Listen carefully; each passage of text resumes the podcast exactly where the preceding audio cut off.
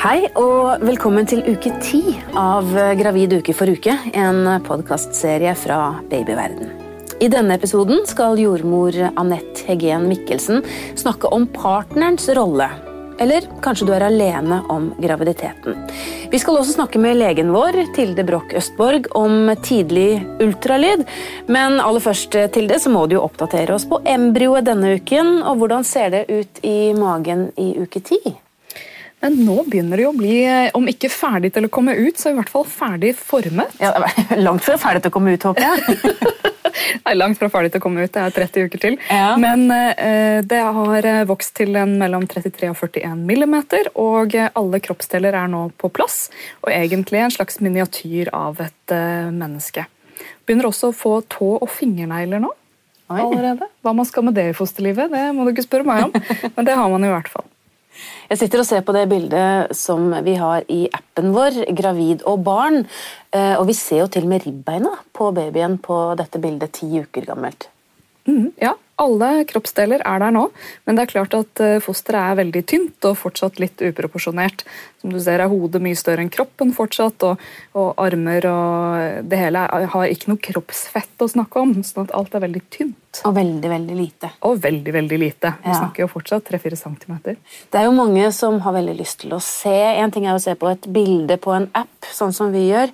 En annen ting er jo å se dette lille sprellende vesenet på en ultralyd. Men det er jo fortsatt tidlig. Vil du anbefale å ta en tidlig ultralyd? Eller hvorfor, eh, hvorfor bør man det, eller bør man ikke det? Altså, Vi har for så vidt snakket om det tidligere òg, men eh, det som er, er at man eh, har jo ikke noe, det finnes ikke noe offentlig tilbud om ultralyd så tidlig som dette. Og så er det veldig mange ting som fortsatt er vanskelig å se. Dersom man skal på en måte unne seg en ekstra ultralyd i svangerskapet, så ville nok jeg gjort det rundt uke tolv.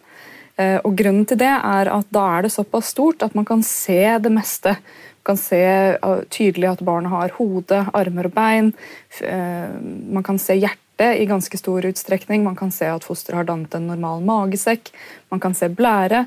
Og så kan man i visse tilfeller se kjønn hvis det er viktig for foreldrene eller, eller forelder. Allerede i uke tolv? Man kan det, men det er veldig veldig usikkert. og Jeg ville ikke på en måte anbefalt å stole på det og male hele Male og kjøpe alt i én farge heller.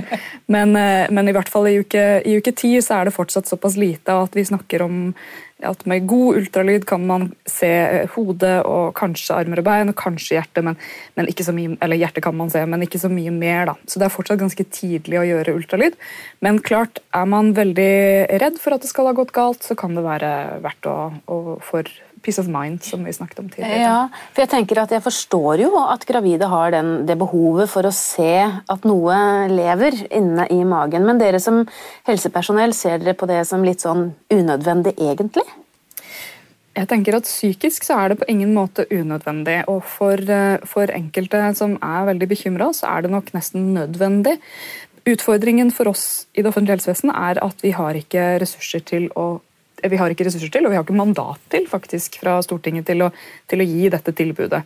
Og ikke, Vi har såpass mange som har unormale svangerskap at vi må prioritere å følge opp de. Men når det er sagt, så er det jo en gruppe som har eh, krav på tidlig ultralyd i uke 12. Altså de som er, passert eh, altså de som er mer enn 38 år, altså 38 år eller mer når de føder. Og de får et tilbud om ultralyd ca. uke 12, uke 13. Og det handler om at da eh, er det mye man kan se, altså i forhold til eh, om fosteret har utviklet seg normalt. Og så er det jo et tilbud om hvorvidt man ønsker å vite noe om risiko for Downs syndrom osv. Men så er det jo veldig viktig å si da at det man kan se, er som sagt at fosteret ser strukturelt normalt ut, som vi sier. Altså at det har de delene det skal.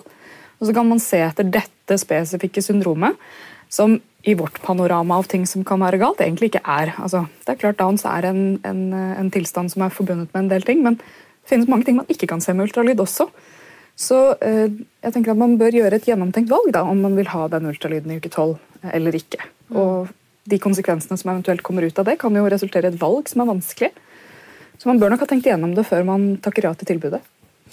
Vi har laget en egen podkast om eh, tidlig ultralyd i babyverden, hvor, eh, med, hvor vi snakket med en ultralydjordmor eh, i detalj om det. Så hvis man er opptatt av eh, tidlig ultralyd, så kan man lytte til den podkasten også. Um, men jeg tenker om du kunne fortelle litt eh, hvis man da velger privat å ta og betale selv for en tidlig ultralyd, hvordan foregår det? Klarer dere å se noe utenpå magen, eller blir det innvendig? Det avhenger av flere ting. Både hvor langt eh, svangerskapet har kommet. I uke tolv er det stort sett eh, god eh, oversikt fra utsiden hos de fleste. Men før uke tolv kan det være vanskelig å få godt innsyn. Både i forhold til hvordan livmoren ligger, men også i forhold til hvor mye mor har av padding. Altså hvor mye ekstra som ligger på magen.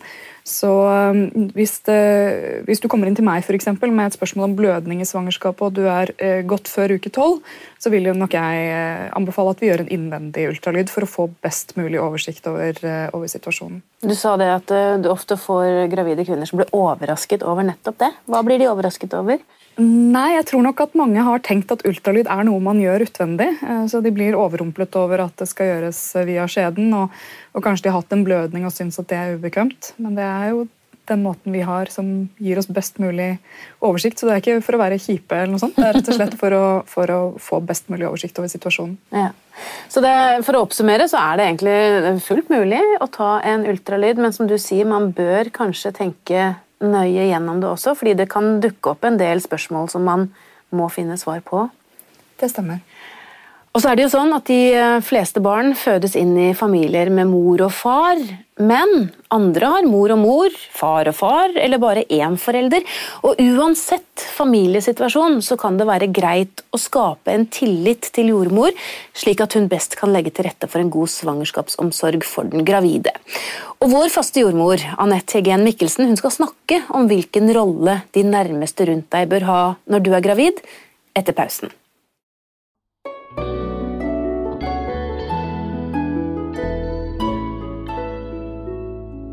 Vi har kommet fram til uke ti i eh, podkastserien Gravid uke for uke fra babyverden. Og um, vår jordmor Anette Hegen Mikkelsen, du møter mange mammaer og pappaer og mm. medmødre ja, og ja. alenemødre. Tenkte vi kunne snakke litt om dette med familiekonstellasjoner, for det har jo endret seg det også. Ja.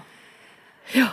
Det er jo ikke så lett alltid å møte en gravid, for du vet jo ikke eh, hva slags familie hun lever i.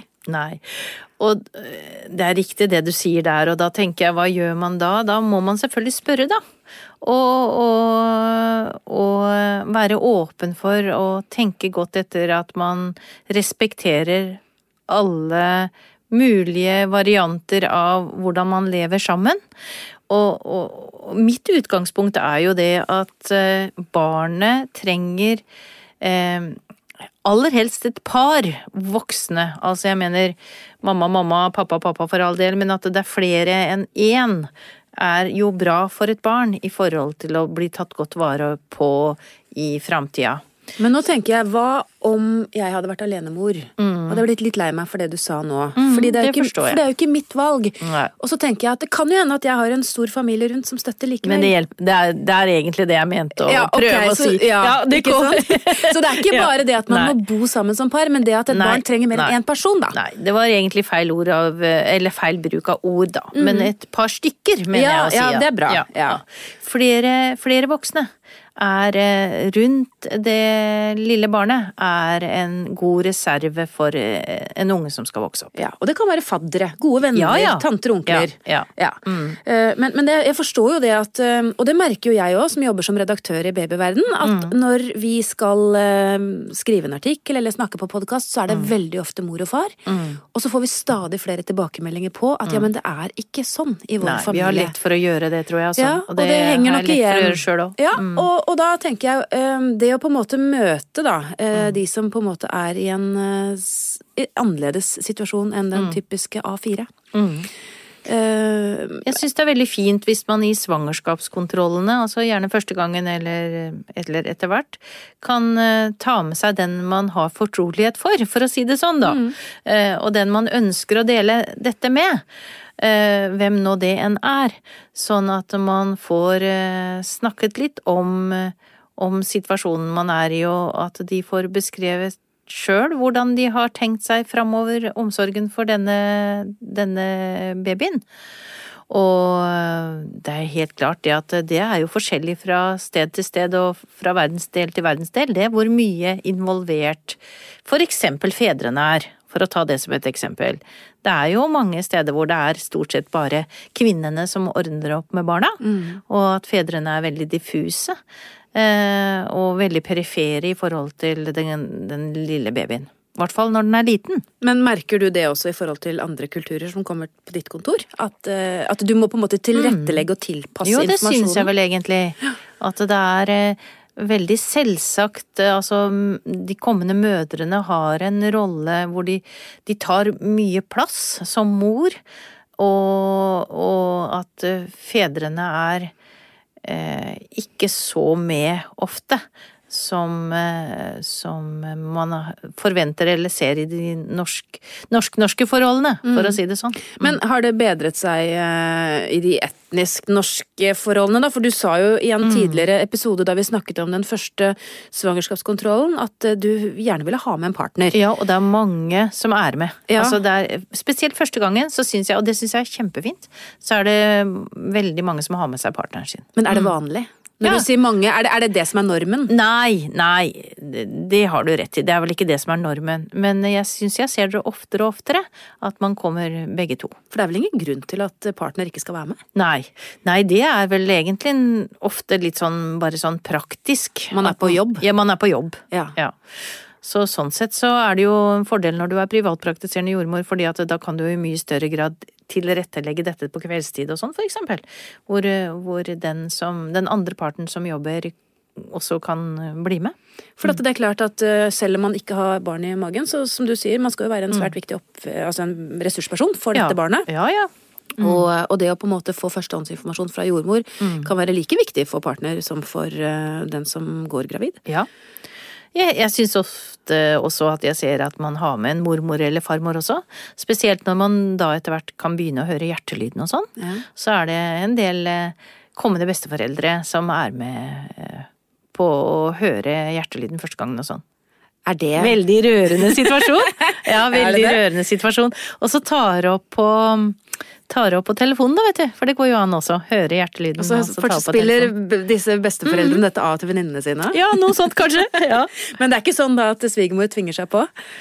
Nei, det syns jeg ikke jeg ser så mye av. Nei, For det er jo noe med å, den balansen mm. mellom å inkludere og å holde det også Være privat. Å være privat. Ja, ja. ja, Nei, man må jo styrke den nye familien på at de slipper inn i dette private rommet de menneskene som de ønsker å dele det med. Ja. Mm.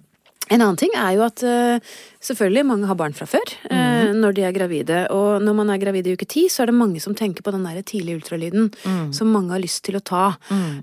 og involverer gjerne andre mm. i den. Mm. Har du noen tanker rundt det? Er det bra å ta med barn for eksempel, på det? Kommer litt an på barnets størrelse, eller alder, mener jeg å si. Ja, ja. fordi at jeg, jeg tror jo at det er ganske mange foreldre som er veldig glad og forventningsfulle i forhold til den første ultralyden, uansett om det er i uke 10 eller 18. Og, og det å ha med barn da, hvis de er forholdsvis små, da mener jeg sånn tre-fire år eller der omkring, eller mm. kanskje fem til og med, så er det nok begrensa hvor interessant det er for dem. Altså, og det tror jeg nok at en del foreldre blir litt skuffa over, da. Hvor lite de involverer seg når de er på den alderen. Fordi det er så abstrakt? Ja, altså det er helt ufattelig ufattbart, heter det vel. Ufattbart. ja, ja, hva, hva, det egentlig dreier seg om. Og, og, du vet at det er jo også sånn at det er veld, et langt svangerskap er jo veldig langt for den som er fire eller fem år. Så det å involvere vedkommende og si noe om at eh, ja, det kommer en baby, men det tar mange, mange måneder, så vil man jo kanskje allerede i uke tolv ha en femåring som spør kommer ikke den babyen snart. Så det, det, det er eh, veldig lang tid å vente på en baby eller en søster eller en bror, da. Ja. Mm, så det kan man vel kanskje ta inn. Men, men, som gravid, da, bare sånn for å få oppsummert, så tenker jeg at eh, det er viktig, eller det som dere kanskje i hvert fall kommuniserer, er at det er viktig at man har noen rundt seg. Enten det er ja. en mm. partner mm. Støtteapparat. Et støtteapparat. Mm. Uh, ja, det mener jeg. Og har man det ikke sånn til å begynne med, altså at man i, i utgangspunktet eh, ikke har noen partner eller noen veldig nære slektninger, så tenker jeg at eh, man Det er kanskje tiden å tenke på hvilke personer er nære meg, hvilke kan jeg støtte meg på, hvilke mennesker tåler at jeg har eh, Kan jeg dele problemer eller sorger med, og hvilke kan jeg også dele glede med? For det skal man jo også ha noen å dele glede med. Så da er det Det kan jo godt være en god venninne eller ja, andre, det, som kan uh, fylle den rollen, men, men, det å være aldeles helt alene og velge å være helt alene, det syns jeg i grunnen at det er sjelden at jeg ser at noen velger, da. Mm. Takk skal du ha. Dette her er jo jeg må bare si det, dette er jo en sånn tid for refleksjon, føler jeg, når man, mm. når man er gravid litt sånn i tidlig fasen. Det er mange tanker, ja, mye som skal på plass. Det er kanskje litt sånn rydding i rekkene også mm. uh, på livet sitt. Så det er, mm. det er, spennende tider. Takk skal du ha, jordmor Anette Heggen Mikkelsen. Hvis du vil ha mer og troverdig informasjon om graviditet og småbarnstid, finner du mange tusen artikler på babyverden.no. Last gjerne ned appen vår Gravid og barn, så kan du følge din babys utvikling uke for uke, både før og etter fødsel. I appen finner du også artikler, morsomme verktøy, gode tilbud og selvfølgelig også alle podkastepisodene våre. Som medlem i Babyverden får du også ukentlige nyhetsbrev med masse nyttig informasjon om både deg og babyen din, og tilgang til vårt populære diskusjonsforum. Våre medlemmer er også med i trekningen av flotte premier hver måned helt fram til barnet fyller ett år. Alt er selvfølgelig helt gratis.